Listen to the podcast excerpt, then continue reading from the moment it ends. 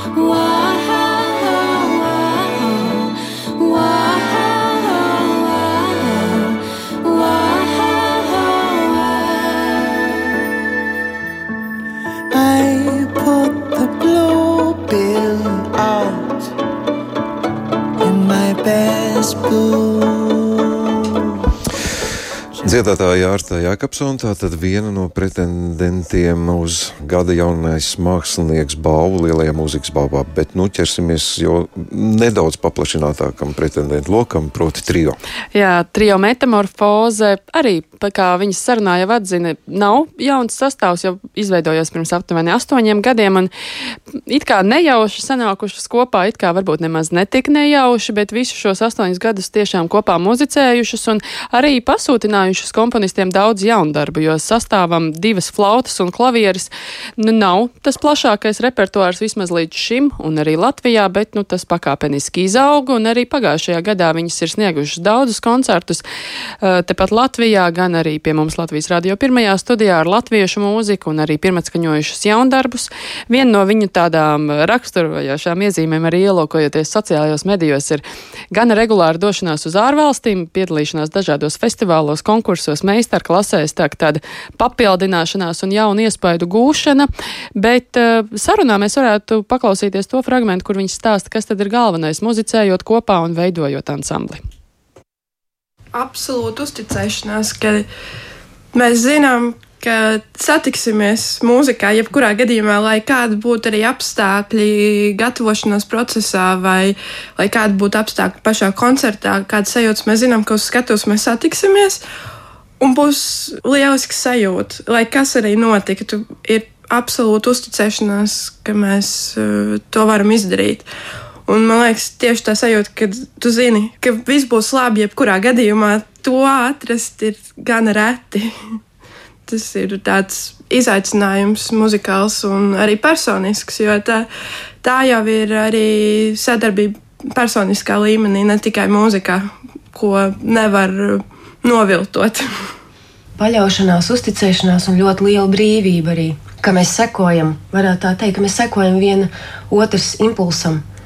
Un tā ir ļoti garšīga sajūta, kad tu sadzirdi, kad otrs ir uztvēris tavu, to, mm, tavu niansīti, ka tu šoreiz gribēji eh, iz, izveidot kaut ko savādāk, kaut ko citu, un otrs sadzird un reaģē attiecīgi. Nu, jā, neaprakstām.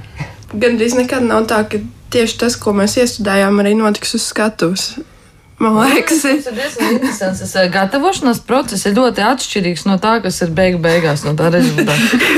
pašām ir bieži vien ir? Nav pārsteigums. skaidrs, bet mēs izspēlējam mēģinājumus, principā visus iespējamos variantus, visas iespējamās versijas katram frāzējumam. Un tad tā gala izvēle. Es neteiktu, ka viņi vienmēr ir plānoti. Tur ir diezgan tāds, nu, tiešām Mirkļi iespējas. kāds vienkārši uzsāk kaut kādus tos, piemēram, citu frāzēm, un tad viņš vienkārši aiziet tālāk. Procesā metamorfozējās. un tad tur pēkšņi, mm, interesanti, jā, noslēgt, ok, paliekam pie šī. bet tāpat otrais mēs to pašu nevaram izdarīt. Man liekas, nu, varam, bet droši vien negribam.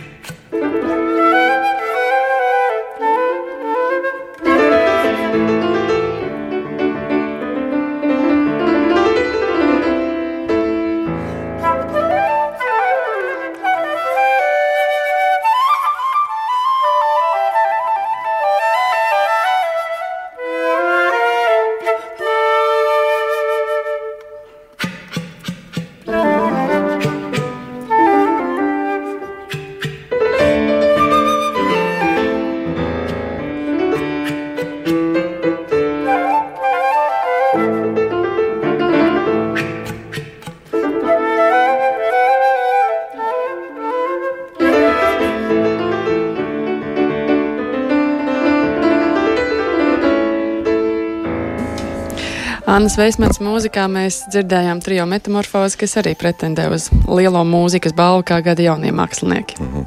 Nu, tad trešais pretendents, kurus es nezinu, vai tur ir precīzi pat skaits, cik daudz, vai pilnīgi visi tie. Es nezinu, jā, vai ka- viņi arī tur mēdz mainīties arī no iestudējuma uz iestudējumu. Rīgas Es ne- kurs, ko muziklu nodaļas audzēkņi.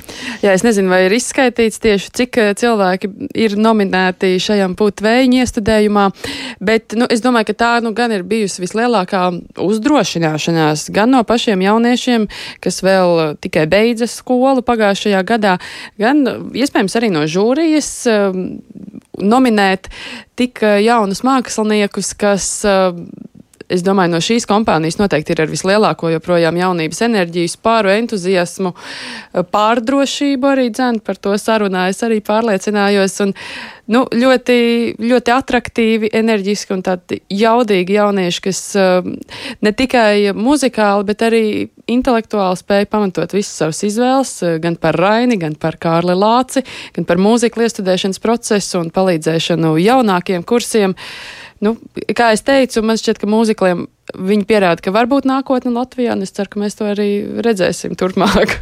Mēs klausīsimies kādu sarunu, ja es saprotu. Jā, pat tur eh, tieši meitenes, eh, kas bija galvenajās lomās, Vaida Vovere un Kate Koka, Megija pastāstīs, nu kā tad viņas nonāca pie šī iestudējuma.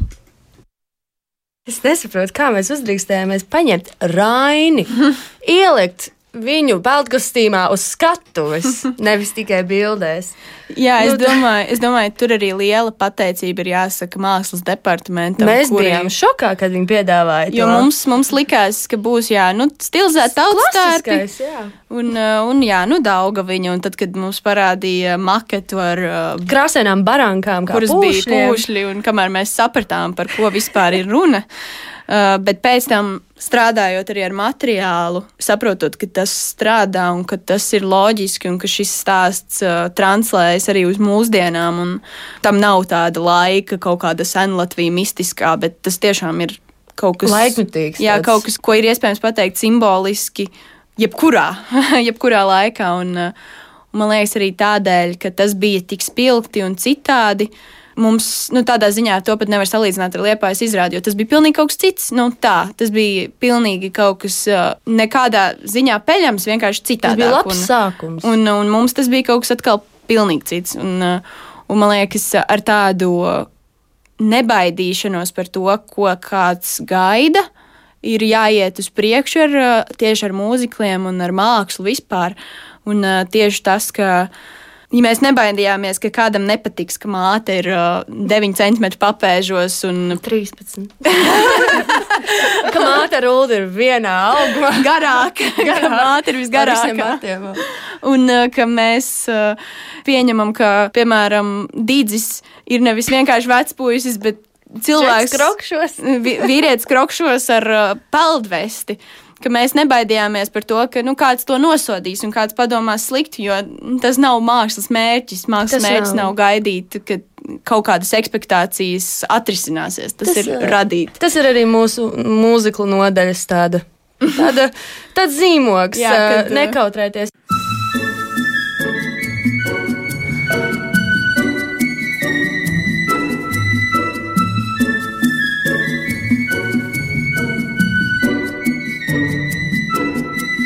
Labu rītu saimeniece, kur tie lieli dūmi kūpa, vai te meitas raušus cepa, tautu dēlus gaidīdamas. Vai tu tautu dēls, vai tu arājiņš, jeb vai tikai krogus dzērājiņš, neba meitu dot pirmam nācējam, neba kumeliņa skrējējam. Pats par savu naudu dzēru, pats skrēj savu kumeliņu, neba savas meitas taupi, pandēniekā dēliņiem. Lepnais tautu dēls gari nerunā, ko nu vārdzināšu klājumā. Nāc nu sēdiņā, mūsu pagalmā, raugi kādas rozes dārziņā. Jā, un pavisam īsts Kārļa Lāča mūzika pūt vēņi fragments. Noslēdzot šo iepazīšanos, Anita, varbūt, nezinu, nu, parasti jau ir tā kā nekorekti jautāt, bet iekšēji var neatklāt, bet ir tev arī simpātija no šiem trim pretendentiem, kam tu novēli īpaši?